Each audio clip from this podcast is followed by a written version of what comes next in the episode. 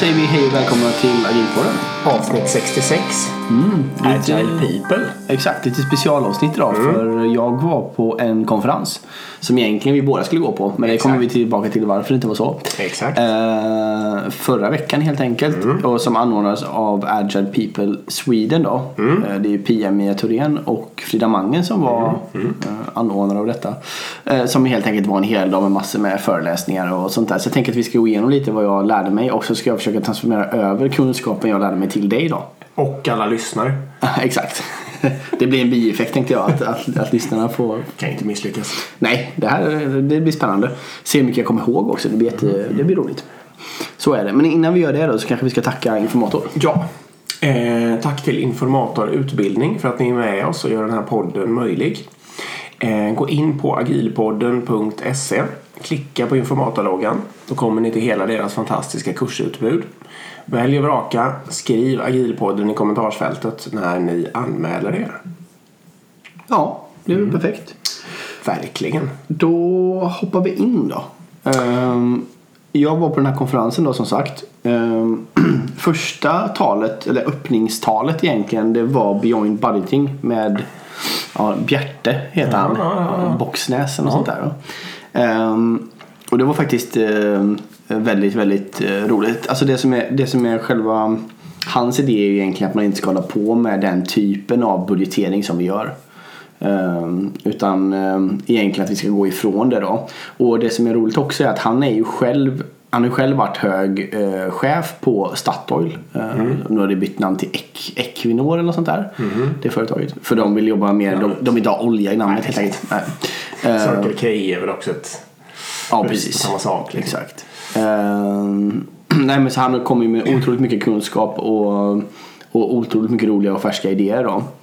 Ehm, och- vi, vi, ja, förlåt, precis. jag måste bara här, här Ja. jag vet inte om ni, lyssnarna känner så här, men jag känner liksom, ge, ge mig en inflygning. Vad är Agile People? Det är ett nätverk va?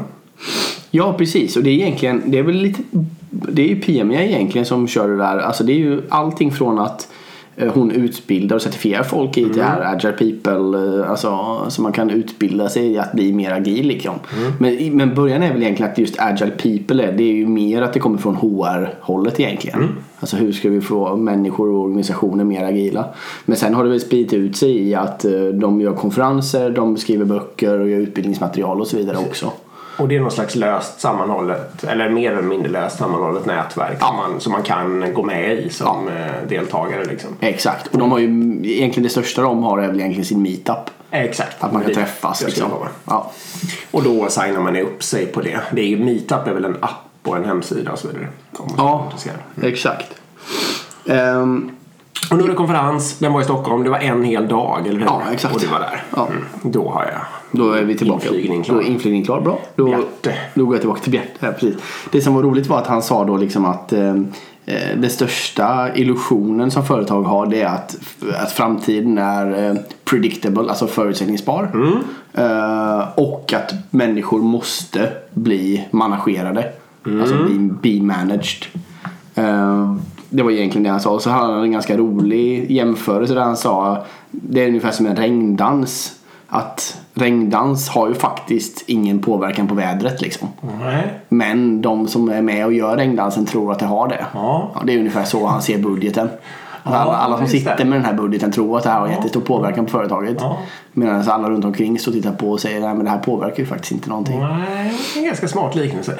Vi i den ledningsgruppen där jag jobbar har vi slitit mycket nu med eh, personas för chefer.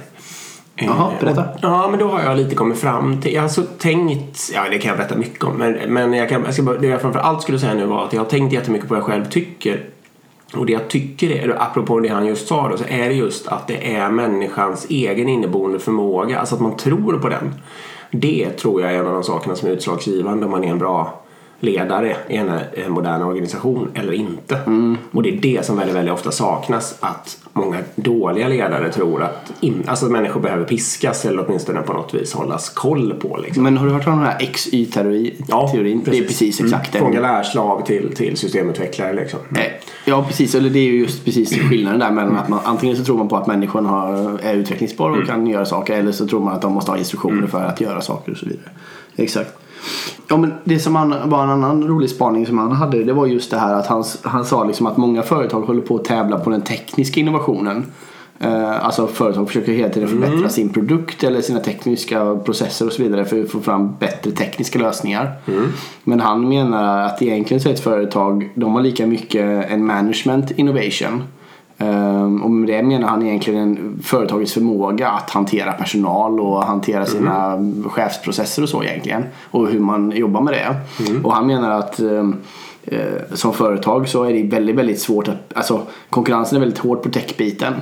Men där, du, där, lätt, där du med ganska lätta steg kan bli det mycket, mycket bättre. Det är på managementbiten, innovation. Och det han menar att de här hänger ihop såklart. Och du kan lika väl mycket ha fördelar att om du skapar ett företag med management innovation som kanske då typiskt Google och eh, Facebook och de här företagen har gjort. Liksom, att de jobbar både på teknik men också på att skapa häftiga organisationer. eh, Med nya innovativa processer där man får jobba lite mer eh, autonomt och så vidare. Eh, så kommer det också skapa en jättestor konkurrensfördel. Mm. Så hans poäng var liksom att många företag borde jobba mycket, mycket mer med de här eh, managementprocesserna då för att kunna helt enkelt skapa en större eh, konkurrensfördel och helt enkelt tjäna mer pengar. Har han varit inne på Volvo Cars? Jag vet inte. Ja, det har han säkert. De jobbar ju med det. Det var precis det jag Exakt. satt och funderade på. Ja, det an- min andra fundering var, nämnde eller vad är relationen mellan han och Woody och No Estimates liksom? Antagligen. det? Det, nej, det nämnde inte, han nämnde inte om det. För det, det känns ju som en kusin, alltså om han pratar om det här på någon slags makronivå på företaget eh, så känns det ju som att Woody pratar om det på en mera mikro, på en teamnivå eller det, ja, det är ju en företagsstrategi även där i och för sig men, men mer uttryckt ur en utvecklares synvinkel. Alltså att det är meningslöst att estimera saker, att det är bättre att prova och se var man hamnar. Exakt. Jo men det, det är det mycket han är inne på också. Eh, han var också sjukt mot det här med performance management. Han tyckte det var liksom det, det värsta ett företag kan hålla på med ungefär. Och det är alltså att mäta olika människors förmåga att leverera och sånt där. Ja. Och det är väldigt många företag som håller på med det. Det var han ju riktigt, riktigt hård och sa att håller man på med det då ska man i princip sluta på det företaget omgående. Det, fanns, det, var liksom, det var inte någon grå, det fanns, det fanns ingen gråzon där. Det var bara, det, då är man helt fel ute om man håller på med det. Ehm, och sen pratar han också just det här om vilka käppar i hjulet ehm, finansprocessen många gånger sätter på ett företag. För ofta så går det, det är, det är kvartal och sen är det redovisningsår. Och bara för att finansprocessen kräver det så sätter man liksom planeringscykler typ på HR på ett år också. Eller kvartal. Medan det kanske har varit mycket naturligare för HR att ha ett femårs eh, takt eller liksom så. Eh, så han menar att man ska, man, planeringscykler och arbetstakten får inte sättas utifrån vad de finansiella processerna vill. Och, Ja, man se upp där ja. ja, utan, utan eh, man måste fråga sig varför ska, vad, ska HR ha för process och utgå från deras behov och inte från den finansiella processens behov. Ehm, det var lite spännande. Ja, det fanns ju mycket mer att säga också. Och han hade mycket bilder och sånt som är svårt att återge då. Men, men det var väl ungefär det jag tog med mig därifrån. Cool. Ehm, och det, det jag tycker den största grejen där är just den här management innovation. Jag tror väldigt många företag skulle kunna, utan att egentligen förbättra sin produkt så jävla mycket, kunna jobba mer med att ta hand om sin personal, skapa mer autonoma team, eh, skapa bättre, bättre förutsättningar för människor att trivas. Det tror jag skulle kunna göra att resultatet blir mycket bättre för företaget. Oberoende om, om det blir en förändring på produkten eller inte. Ja, det skulle bli en förändring på produkten ned, nedströms av de förändringarna liksom. Exakt. Ehm, så är det. Ja, cool. Nästa Management Innovation. Yes, gå vidare till nästa. Det är, eh, nu ska vi se, han heter Joakim eh, och eh, kommer från CRISP och har varit på Spotify i väldigt många år också. Och han pratar om Discovery Weekly. Som Discovery är Weekly. Weekly. Det är alltså en playlist du får varje vecka med nytt innehåll. Ja. Och grejen är att det började egentligen som ett, som ett hack för när Spotify kom så eh, var det egentligen bara ett stort bibliotek med en sökruta. Ja. Och för att du som eh, användare skulle kunna hitta vad du skulle lyssna på så var du tvungen att veta vad ska jag söka på för att hitta. Och det gjorde att alla människor som hade ett musikintresse tyckte det här var en fantastisk tjänst. Men människor som var mer vana att kanske sätta på en radiostation och bara lyssna eh, hade inte så mycket egentligen att ta på. Och eh, då experimenterade eh, ett team på Spotify eh, med ett hack som gjorde att, men vad, vad händer om vi autogenererar en egentligen typ en radiostation eller en playlist med låtar. Ehm, som vi tror är till stor sannolikhet att du gillar baserat på vad andra gillar som lyssnar på samma musik som du gör. Ehm, och sen erbjuder vi den för då kan ju folk bara sätta på den och upptäcka ny musik och ja, egentligen lyssna på musik. Man kallar det för lean in eller lean back. Lean in är när man är inne och söker och aktiv själv. Och lean back är när man bara vill trycka på en knapp och få en upplevelse liksom. Så man ville komma åt de användarna. Och det som var roligt här då var att ehm, eh, man kunde liksom inte riktigt se, eller fram- framförallt Daniel Ek var väldigt emot där. Han tyckte själv att det här var en väldigt dålig idé. Ehm, och det, det har han officiellt gått ut och sagt liksom. Eh, och det är just då hur man kan se hur, hur kan man då som ett företag ändå driva igenom en sån här innovation när organisationen i princip är emot idén. Ehm, så det de gjorde var egentligen att de försökte ju då liksom eh, trycka ut. Ja. Eh, vilket var väldigt svårt. Men där, han som var CTO på den här tidpunkten, Oskar, han hade sagt att ja, alla team får kasta ut experiment upp till 5% av alla användarna. Alltså, Ja, så okej. du, vi, vi, vi får releasa det till 5% av alla användare utan tillåtelse egentligen. Det får alla team göra på Spotify. Eh, Det är däremot om det ska skala större än så. Ehm, Och då gjorde de det helt enkelt. Så de kastade ut det och då gjorde de massor med experiment. Så de testade vad är en bra längd? Fyra timmar, tre timmar eller två timmar på den här eh, playlisten. Och de kom fram till att två timmar ger bäst resultat. De eh, testade hur ofta ska den uppdateras? Varje vecka, varje månad, varje dag. Och så kom de fram till att varje vecka var precis lagom. Så de jobbade liksom 100% databaserat här egentligen. Precis. Det var AB-testning då antagligen. Mm, exakt. Och sen då så gjorde de eh, också att de la in en, en, en länk i eh, beskrivningen som gjorde- att man kom till en undersökning där man kunde kasta in massor med åsikter vad man tyckte om det här. Och sen så började man releasa det här bara för alla anställda. Så man fick feedback på vad tyckte folk om den musiken som rekommenderades och vad tycker man om den här featuren. För det som var stora problemet var att i din playlist egentligen så har du bara egenkurerad musik. Du gör ju aldrig din egen Ja. playlist. Helt plötsligt där nu så ligger det en playlist som Spotify har gjort åt Ja. dig. Och det var ju det som var- många var emot då. Att, ja, men min playlist... Tyckt liksom. Exakt, jag menar, det är som att jag går till din CD-samling och stoppar Ja. in CD-skivor liksom. Ja. Vad håller du på med? Ehm, så de jobbade... Men det ska ju mer jämföras med att man slår över till radion liksom. Ja, mer så. Eh, och sen det som också var en annan grej som var väldigt intressant det var att då hade de eh, ett, play- ett skivomslag som man finns på Spotify på själva playlisten. Och då hade de en gubbe som gick på månen. Då Discover liksom, Ja, ja. koppling till det. Eh, men så började de liksom, ja, men vi kanske borde personalisera den här istället. Så vi får ännu mer engagement. För om, jag, om du ser en måne på gubben och Discovery Weekly, du kommer kanske inte trycka på den. Nej. Så det de gjorde var helt enkelt att de gjorde med Facebook-integration så tog man profilbilden på din Facebook-sida, använde den och la ett filter över som gjorde att det såg ut lite månaktigt eller så här lite ja. Men discoaktigt. det var ändå du. Ja, och då fick man 10%, eh, 10% direkt ökning på antal användare på, eh, på, den, på den playlisten då. Nej, coolt. Sen var det problemet då att de fick jättebra serverresultat men problemet var att det här skalade inte tekniskt. Ehm, det blev jävligt mycket data helt enkelt som skulle Ah, samlas in och alla, och alla ska ha en unik playlist och ja, det var väldigt mycket problem.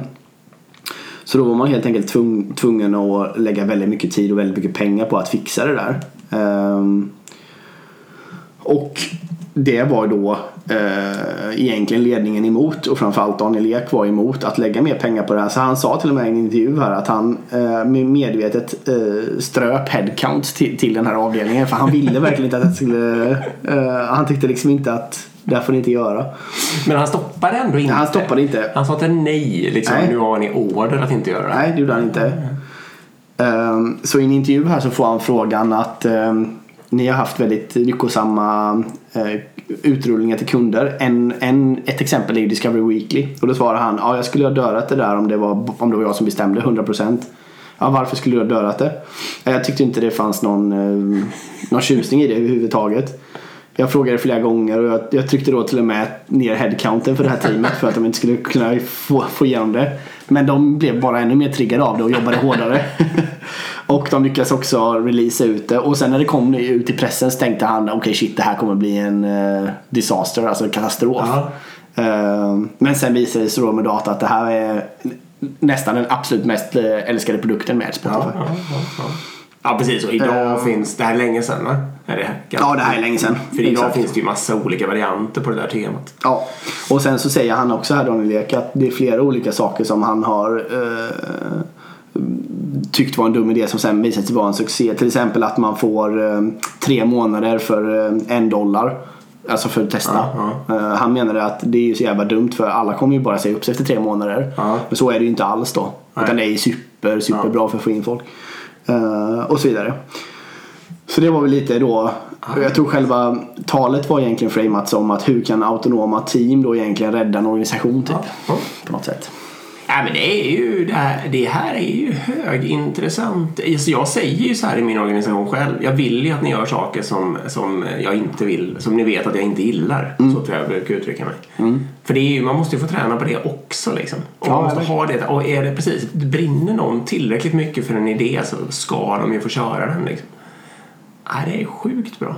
Ja, det är det. Och just att jobba så successivt datadrivet också. Att verkligen kunna visa att nej men kolla det här är bra liksom. Att det inte blir, det blir inte en godtycklig Nej. fråga liksom. Utan Det blir inte proffstyckande och magkänsla för hela slanten utan det blir faktabaserat. exakt. Och det var väl också anledningen varför inte du, varför var inte du med på den här konferensen? Just det, Ska vi ta det? Ska vi Ja. smyga in det här? Det passar rätt bra. Nej, det är ju helt enkelt så här att jag går en, en riktig kurs. De senaste jättemånga åren har jag bara gått massa managementkurser. Men just exakt faktiskt med massa människor som har väldigt starka magkänslor Ja. kring olika saker i. Det är som George Bush ungefär. Han tar hand om magkänsla. Typ så. Men nu går jag faktiskt en väldigt light, jag ska inte säga så, men en, en kurs som heter Citizen Data Scientist. Eh, som helt enkelt är att få lite grunder i data science. Eh, men det är på riktigt. Vi lär oss Python-programmering, vi har tillgång till riktiga datakällor. Eh, vi har ju lärt oss AB-testning då och um, teori. Det är ganska lätt men dock teori bakom och så. Eh, och jag känner mig, ja det är så sjukt kul och jag känner mig ganska korkad. Alltså de här utvecklarna runt omkring. De är ju snabbare på allt. Ja, det är klart. Ja, Men det är otroligt bra att du gör det. men, eh, ja vi ska se om jag tar mig igenom. Jag hoppas det. Jo, och då, det, det var ju kickoffen, alltså först andra kurstillfället var det nog hel dag samtidigt som eh, Agile People. Därför var det inte Därför. Ja, Okej, så kan det vara. Eh, Jag plockar också upp eh, emellan de här talen så, och även under talen så, så lyckades jag plocka upp eh, quotes. Alltså vad heter det? Citat. Citat, exakt. Eh, så jag har topp sex citat här Ja. eh, under konferensen. Oj vad spännande. Eller hur? Ja. Eh, Jag, jag, jag skriver bara ner dem. Jag har inte läst dem sen dess så jag vet inte kvaliteten på dem. Men vi tar dem en i en så Ja, vi det se. är klart det ska. Ehm, eh, visdom kommer alltid genom minoritet först. Så därför är majoritetsbeslut eh, beslut dåliga. Lite kul tänkt. Eh, att liksom många gånger så kommer ju så här då nya innovationer, nya tankesätt, nya arbetssätt via någon person som driver, precis som vi pratade om egentligen. Det är några som brinner för någonting här liksom. Och om man då bara hela tiden ska ha en majoritets eh, Så det blir väldigt beslutsmodell. Så, exakt. Så dör man ju stryper man allt det Ja, där liksom. det konserverar sig och det- utvecklingen sker jättesakta. Vad heter det? mm, Nej, vi pratade kanske inte det, men i förra avsnittet så mm, pratade vi om nackdelarna med majoritetsbeslut. Sant faktiskt. Eh, nästa citat då. Eh, ingen person är så smart att hen kan ha 100% fel.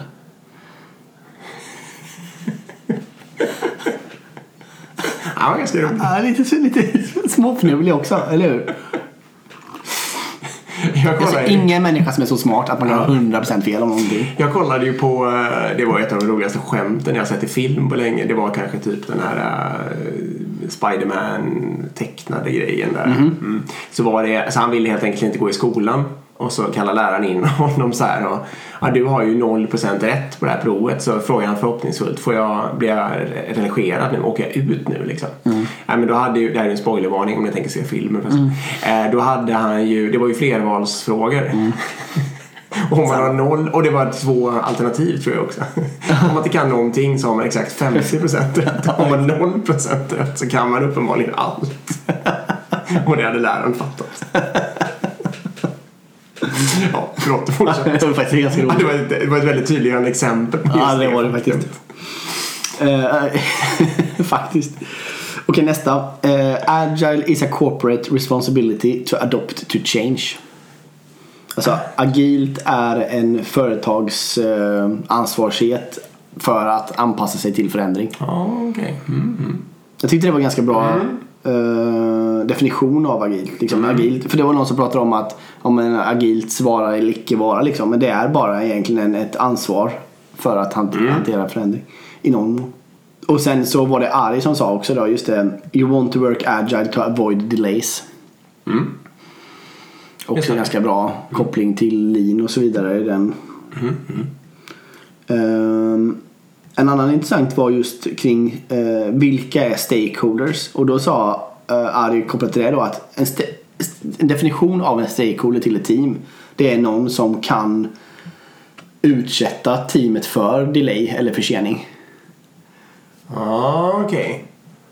Stakeholder brukar jag översätta till intressent. Ja, just det. Ja, men intressenter kan utsätta teamet Men om man, för vi pratade om lite att just vem, eh, vem, vem är stakeholder till teamet. Men ofta slussar man via en produktägare och sen så är det några andra och så vidare. Men vem har egentligen mandat att, att, för, att, att, att, att göra en försening i teamet? För en person som bara sitter och proffstycker behöver man inte bry sig så mycket om. Nej, sant. eller hur? Men någon som faktiskt kan säga att nej stopp det där, nu, det där blir inte bra, nu vill jag tänka om här. Då, då, det är en person som officiellt har, som är en stakeholder som du borde ha koll på då och mappa till. Ja, intressant. Ja, det, jag aldrig tänkt på det så. Ehm, och sen också att agile is an interaction model. Ja. Mm. Mm. Ja, det kan man kanske tänka sig. Vad är, vad är nu en interaction model är för någonting? Jag skriver upp det. Kändes bra när han sa det går i det. alla fall att tänka på. Ja, eller hur? Här skulle vi haft en liten jingle så här. Sex citat från Agile People-konferensen. Ja. Det var sex stycken va? Ja. Ja, precis. Och sen så var jag lyssnade på Ari. Han pratade ju om uh, Alltså, Ari van Bennikum. ja, ja, ja. Ja. Hollands-Ari. Exakt, han som var här och... Manifest. Exakt, han har skrivit manifestet. Uh, manifestet. Han var också på den här konferensen.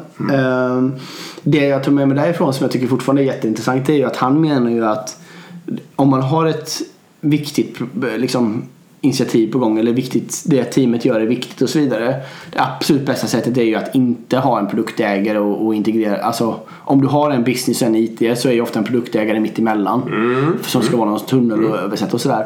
Och han menar att det, det kan ju funka men det absolut bästa det är ju om man kan samla alla de här stakeholdersna ihop med hela teamet.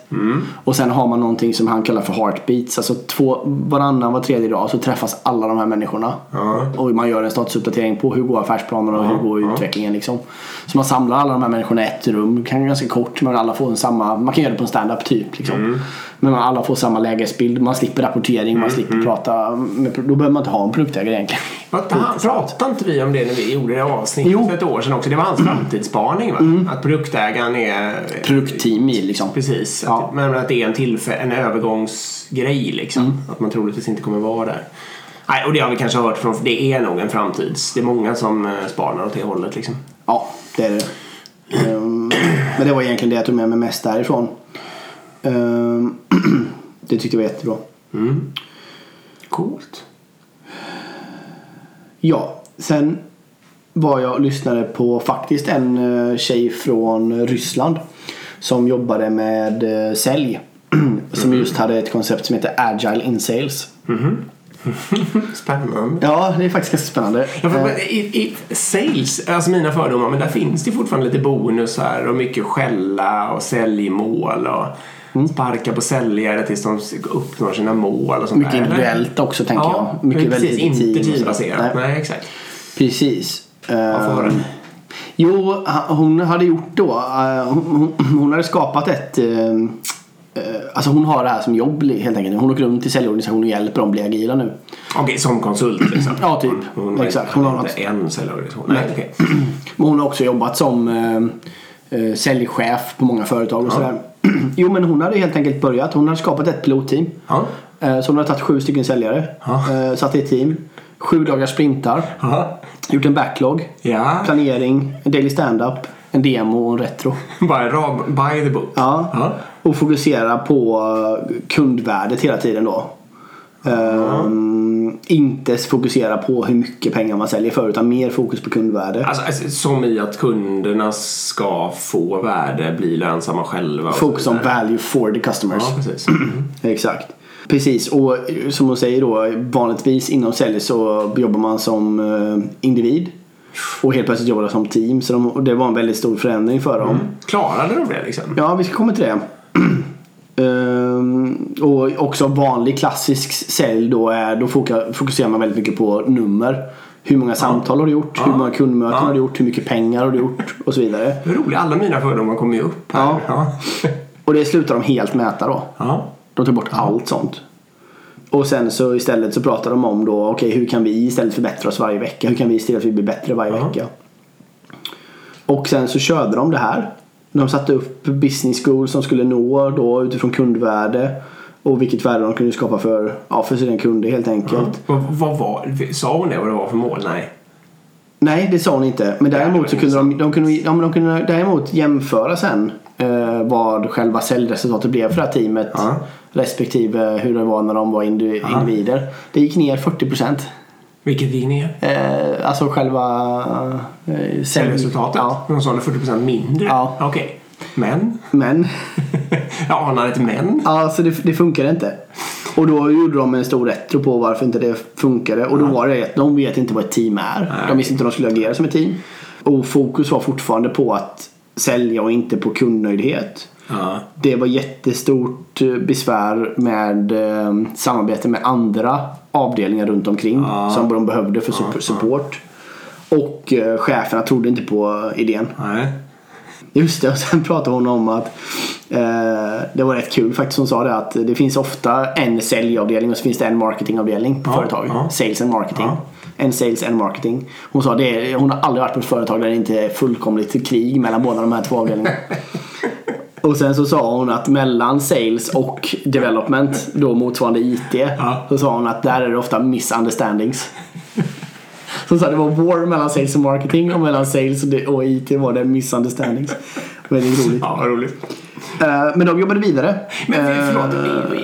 Vem hade gett henne i upp... Vem hade vågat... Vem trodde på det här? Hur hade de vågat börja? Det är faktiskt helt oklart. Okej. Hon gav nog någon bakgrund till det men jag kommer inte ihåg det. Men, men för det jag tror är att hon har ju byggt nu, eh, hon har gjort det här så många gånger nu så hon har ju så mycket data på att det här funkar. Ja, okej. För det de gjorde sen var att eh, de höll på ett år med det här. Ja. Ehm, och satte upp ett gemensamt mål för det här teamet. Alltså började bygga ett Ja, team liksom. bli- Klassiskt. Ja. Ehm, och efter 12 månader så hade de ökat mot förra 12 månader med 127 procent till slut. Ökat man sålde mer än dubbelt så mycket. Ja.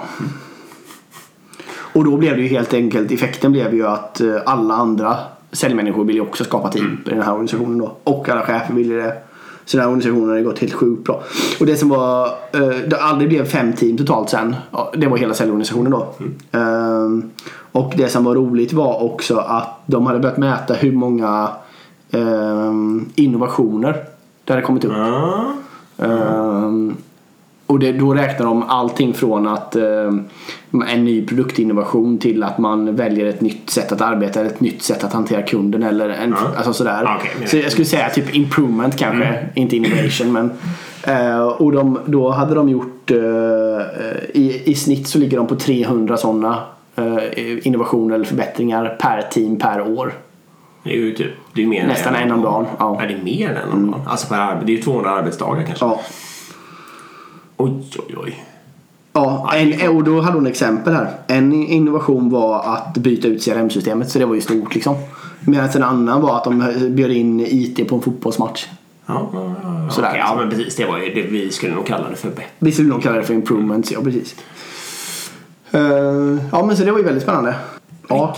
Det, vad det, det framgick inte vad det var för eh, produkt eller företag. Eller, liksom. Nej. nej. Det gjorde det säkert men jag, Ja, men du tänkte inte på det. jag tänkte bara på vad, vad, jag, vad lär jag mig av det här. Exakt. Sen så lyssnade jag på James Priest också. Eh, men han pratade väldigt mycket om om egentligen exakt samma grej som vårt förra avsnitt handlar om. Agera beslut. Faktiskt. Och just det här med konsentbeslut och hur man ska ta beslut och varför det är viktigt och så vidare.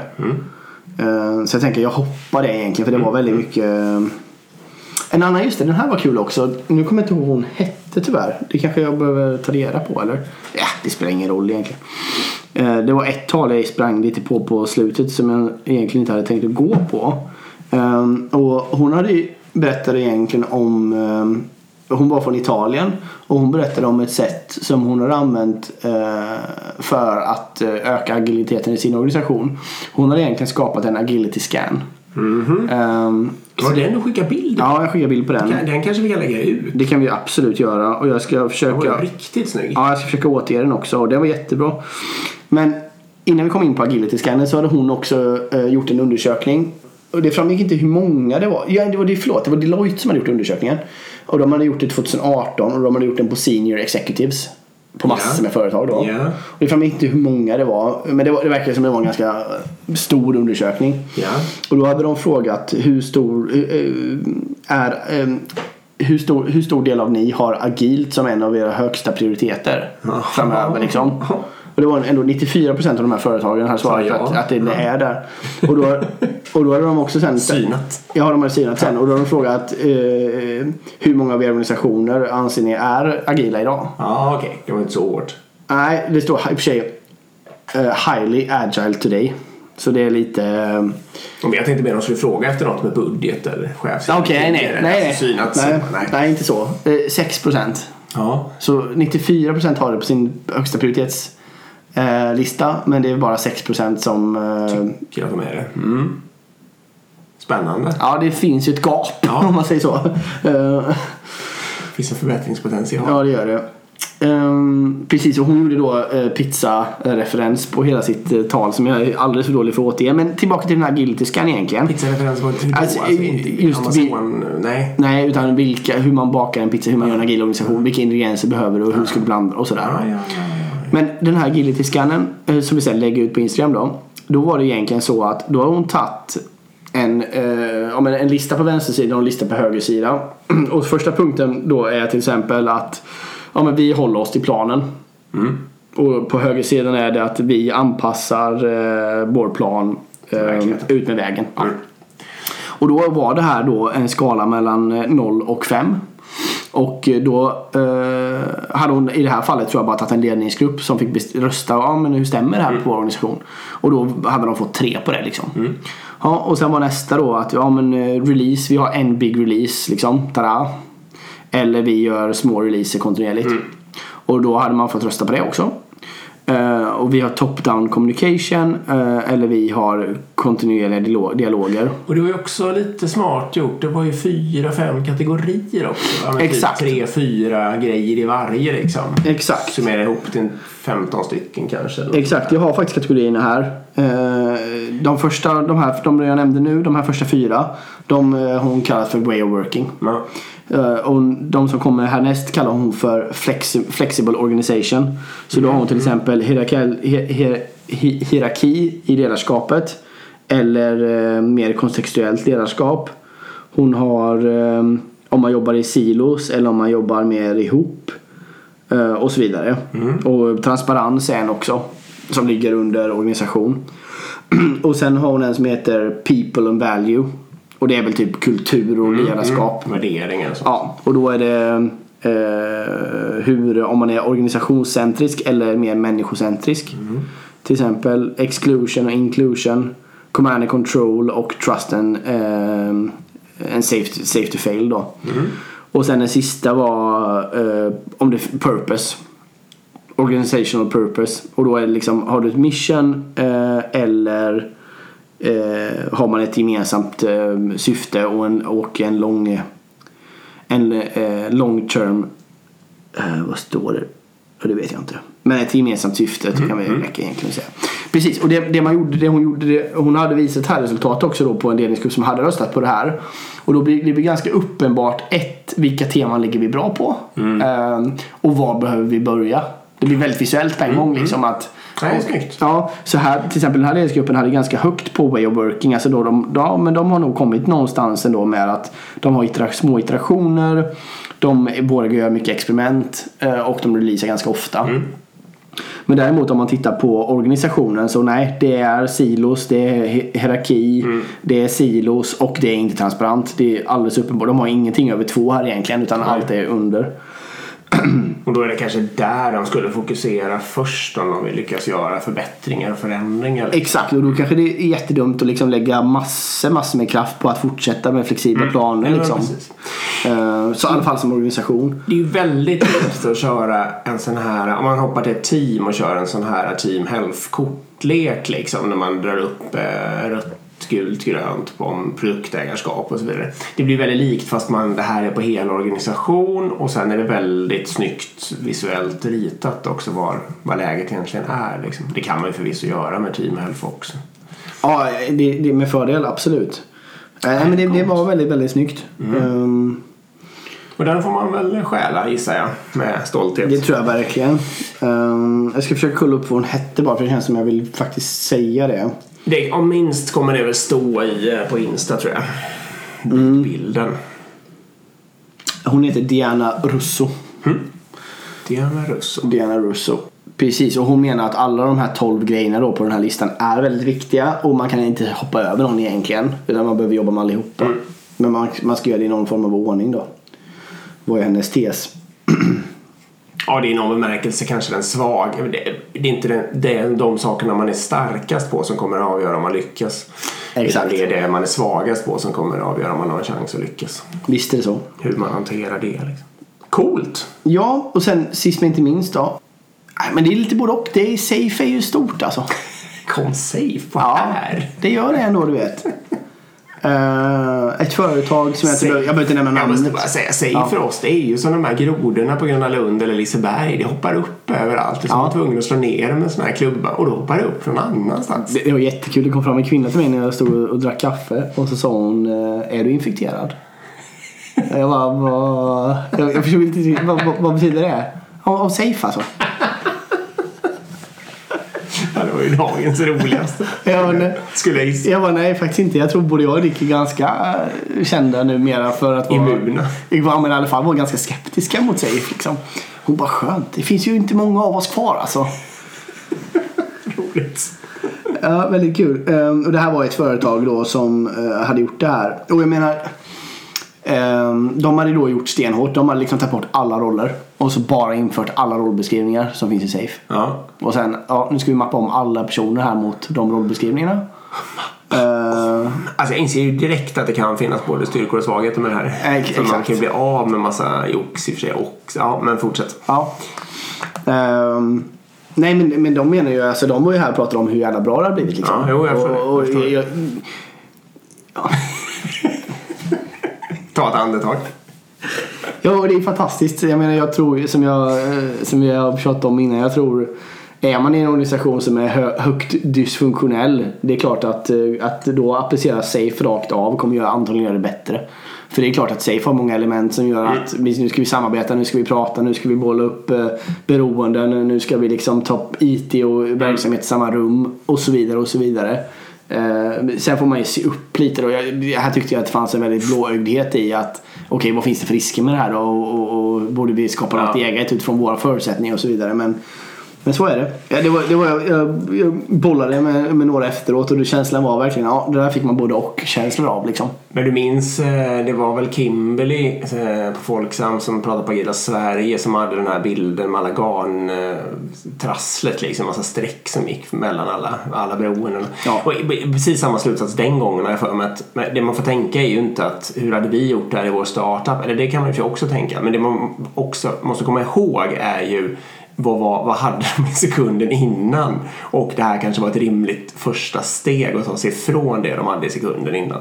Ja. Så kanske det var på den här filmen med menar jag om vi ska ta på vår välvilliga hatt. Ja, verkligen. Ehm, ja, det var väl ungefär det.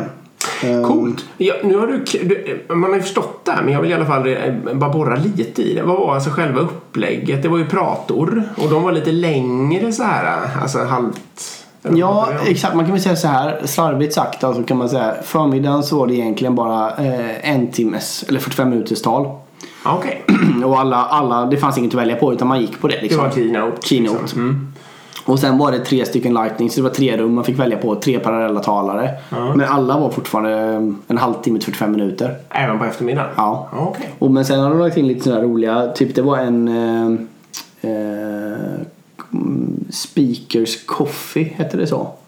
Mm. Då fick man egentligen ställa sig vid ett bord och så var det alla som var där och föreläste stod vid ett bord också så man kunde gå fram och prata med och ställa frågor och diskutera. Mm, Fördjupare liksom, eh, diskussion. Men sen också så fanns det ett block som man kunde skriva att hej jag heter Erik, jag kommer från Agilpodden. Och så kunde jag stå där bara och vänta på att någon kom. Jag vill, Mm. Ah, prata, okej. om, jag vill prata om Safe liksom. Det var lite likt eh, Open Space då kan man säga. Fast Ja precis, annan- på något sätt. På ja, temat, ja. på något sätt. Men sen den här konferensen är ju större. Jag var bara på huvuddagen. Sen finns det andra fördjupningsdagar också som inte jag var på. Ja, den är gjord så ja. Det är en huvuddag med allmän innehåll och sen så är det specialistinnehåll Exakt, de andra dagarna liksom. Dagen efter vet jag att då var det till exempel heldag med Ari. Så Ah, då kunde man gå en hel dag med honom. Liksom, och sådär. ja. Ja, coolt. ja, det var kul. Eh, vi träffade också, jag träffade också hon Frida Mangen då. eh, som just det. kör... ehm, Agila HR-podden. Exakt. Och vi, har, vi pratar om att vi ska göra ett avsnitt ihop här. Så det får vi hoppa verkligen hoppas att vi lyckas få till. Och det var fantastiskt, fantastiskt uppsikt av Pia-Mia och Frida Mangen som var eh, konferenser och eh, även alla som var där och, och hjälpte till att jobba för att få ihop det liksom. Det var verkligen eh, en superbra dag. Jag kan rekommendera, den här är återkommande varje år. Jag tror det här var femte året den gick. Ehm, så den är återkommande varje år. Agile People Conference heter den. Den går eh, varje höst i Sverige.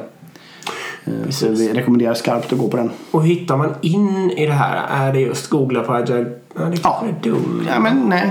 Googla på Agile People så kommer du dit, absolut. Och den här Pia-Mia som vi pratar om hela tiden är alltså Pia-Mia Thorén om ni vill få tag i henne och hitta en ingång. Ja. En grej till jag ska bara nämna eh, innan vi avslutar. Det var eh, eh, Bjärte där igen om eh, Björn Budgeting. Han pratar också en del om ledarskap. Och han pratar också om det här faktiskt som Henrik Nyberg pratar om med eh, rödljus versus rondell.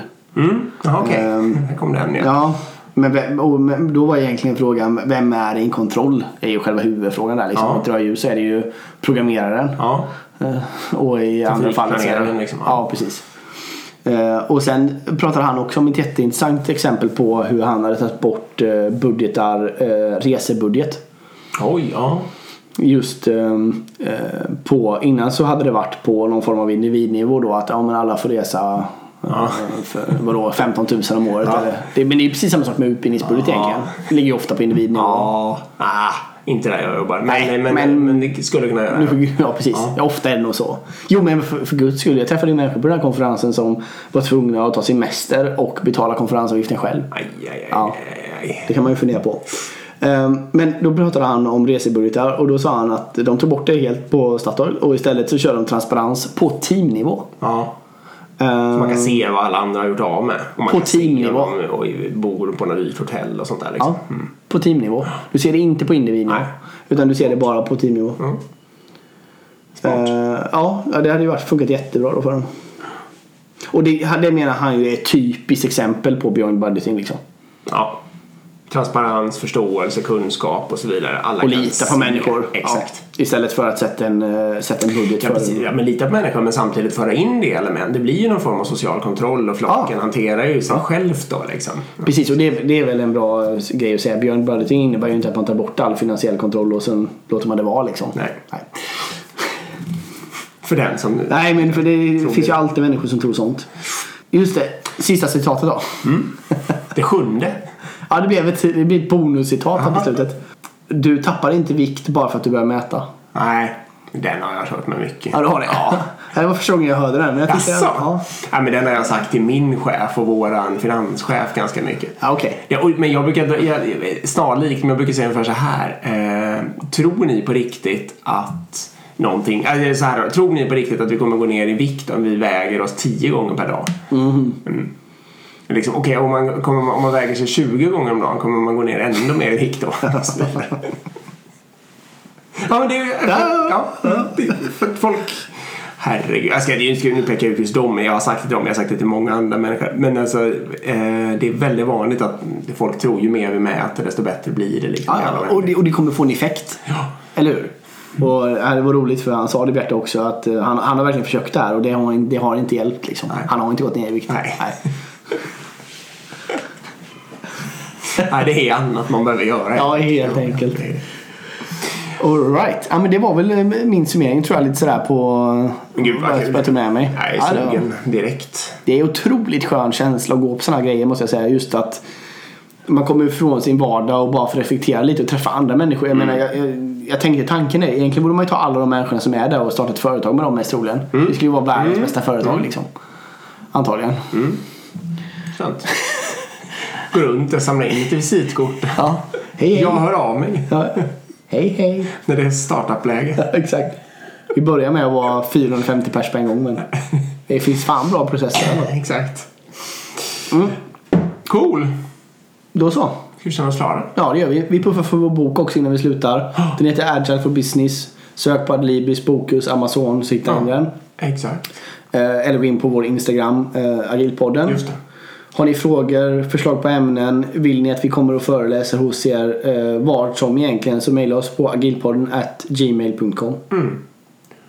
Och följ oss på Insta helt enkelt. Ja. Tack till informator. Mm, och tack för att ni lyssnar. Verkligen. Hej hej!